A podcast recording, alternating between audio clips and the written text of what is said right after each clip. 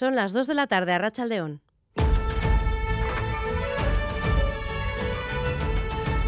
Crónica de Euskadi con Irache Martínez.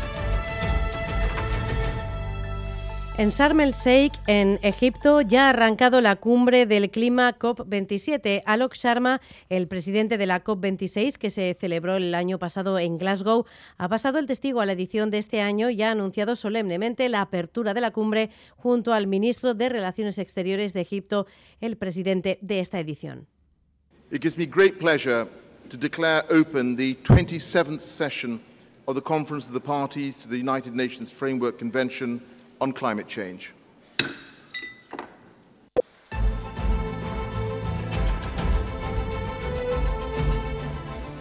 La cumbre climática COP27 de la ONU ha comenzado después de un año de desastres climáticos extremos que han subrayado la necesidad urgente de una acción global.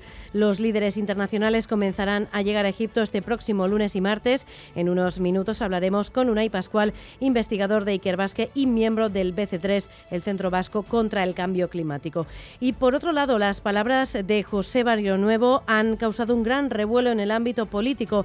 El ministro del Interior del primer gobierno socialista da su versión sobre la guerra sucia contra ETA 40 años después en una entrevista concedida al diario El País. Asegura que él ordenó liberar a Segundo Marey una víctima de la guerra sucia y que mandó coger, dice, al miembro de ETA, José María Larrechea.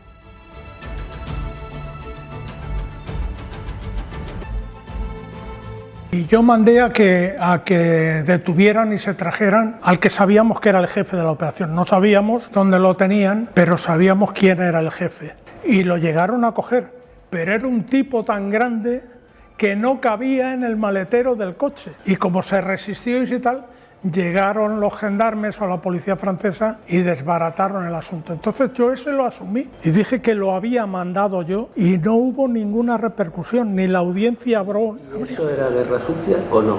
Eso es y los dispositivos de búsqueda han hallado sin vida en el Gorbea al hombre de 64 años que permanecía desaparecido desde ayer. ¿Qué más datos tenemos, Nerea Inchaustia? Rachaldeón. A Rachaldeón, el Departamento de Seguridad lo confirma. El hombre ha sido encontrado muerto cerca de la cruz del Monte Gorbea, en la zona de Aldamiñape, hacia las once y media de la mañana.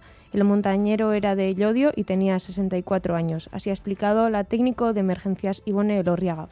Sí, lamentablemente hoy sobre las once y media de la eh, mañana hemos encontrado el cadáver de la persona que buscábamos. Se ha encontrado bueno, en uno de los caminos de llegada a la Cruz del Gorbea. Desde ayer a la tarde hemos trabajado con un muy amplio eh, dispositivo formado tanto por voluntarios de Cruz Roja Día y el grupo de perro de salvamento del Orrio como de recursos profesionales tanto de la Arzaña como de Vizcaya. Se trata de una persona que solía acudir asiduamente al monte eh, y era de Álava.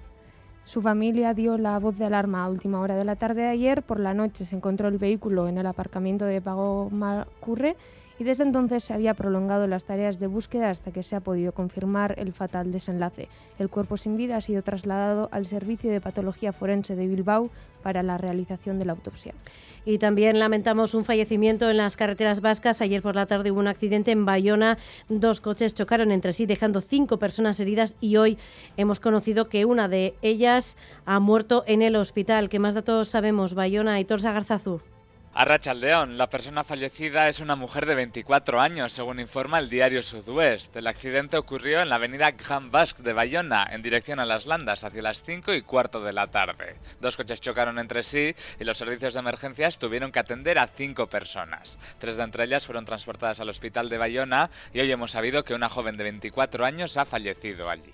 La policía de la comisaría de Bayona ha abierto una investigación para aclarar lo ocurrido. Según los primeros indicios, fue una colisión violenta, pero todavía no se ha podido interrogar a los demás heridos. Con este último accidente, este año ha habido 21 muertos en las carreteras de Iparralde. La mayoría de entre ellos, 15 en total, tenían entre 18 y 24 años y en Torrejón de Ardoz se ha producido un atropello múltiple que ha dejado cuatro personas muertas y otras cuatro muy graves. Susana Armentia, Arrachaldeón. Arrachaldeón sí ha sido un atropello intencionado a la salida de un restaurante donde se celebraba una boda que ha derivado en una fuerte discusión. Poco antes de las 3 de la madrugada, los servicios de emergencia han recibido varias llamadas alertando de lo que estaba sucediendo. David García es portavoz del SUMA.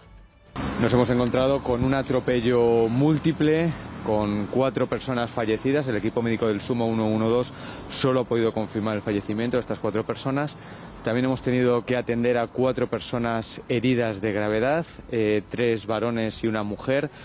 Poco después del atropello, la policía localizaba en Seseña el vehículo con varios golpes y la luna rota. Sus ocupantes han tratado de huir. Tres de ellos no lo han conseguido. Se trata del conductor de 35 años y sus dos hijos de 17 y 16.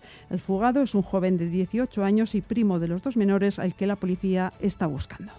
Y vamos ya con el adelanto de la actualidad deportiva. John Zubieta, Rachaldeón. Hola, Rachaldeón. Después del triunfo ayer de Osasuna, que le sitúa en la quinta posición, ahora le toca el turno a la Real Sociedad, que se enfrenta al Valencia en el Real Arena a partir de las 4 y cuarto, con la resaca de su clasificación europea y con el regreso de David Silva y Taque Cubo. En la Liga F, un resultado que se acaba de producir, el Alavés Gloriosas ha empatado a uno ante el Granadilla en Tenerife. En segunda división, el Eibar tiene una cita vital esta tarde ante Las Palmas en las Islas Afortunadas. En caso de ganar, se colocaría segundo. En pelota, Joseba Ezcurdia se impuso a Pello Echeverría para lograr el billete para la final del cuatro y medio. Esta tarde, Altuna y el Ordi buscarán el mismo objetivo en Bilbao.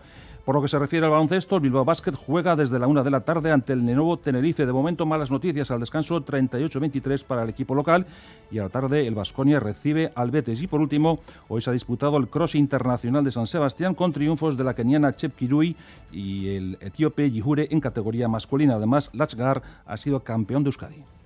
Es que recasco John y a esta hora se activa el aviso amarillo por riesgo marítimo costero por fuerte oleaje que estará activo hasta mañana lunes. Vamos a conocer el pronóstico del tiempo para las próximas horas. Euskalmet, Nayara Barrero, Arrachaldeón. A Rachaldeón por la tarde seguiremos en general con ambiente claro, aunque se irán intercalando algunas nubes eh, medias y altas que no nos dejarán lluvia. Las temperaturas rondan ya los 20 grados en puntos de la vertiente cantábrica, pero en el resto, sobre todo en Álava, las temperaturas se quedarán en torno a los 16 o 17 grados. Y mañana comenzaremos la semana con la misma tónica, con tiempo seco en general, pero el viento del sur será más molesto. Se notará desde la mañana, soplará con algunas rachas fuertes y provocará un ligero ascenso de las temperaturas en la mitad norte. En el sur, sin embargo, el ambiente será más fresco. Comenzaremos la jornada con ambiente soleado, aunque de cara a la tarde irán en aumento las nubes. Por lo tanto, mañana el viento del sur soplará con más intensidad y sobre todo por la mañana el ambiente soleado. En carreteras a esta hora sin incidencias, en el control técnico Jesús Malo, Jorge Ibáñez y Maitane Bujedo. Son las 2 y 7 minutos de la tarde. Comenzamos. Crónica de Euskadi con Irache Martínez.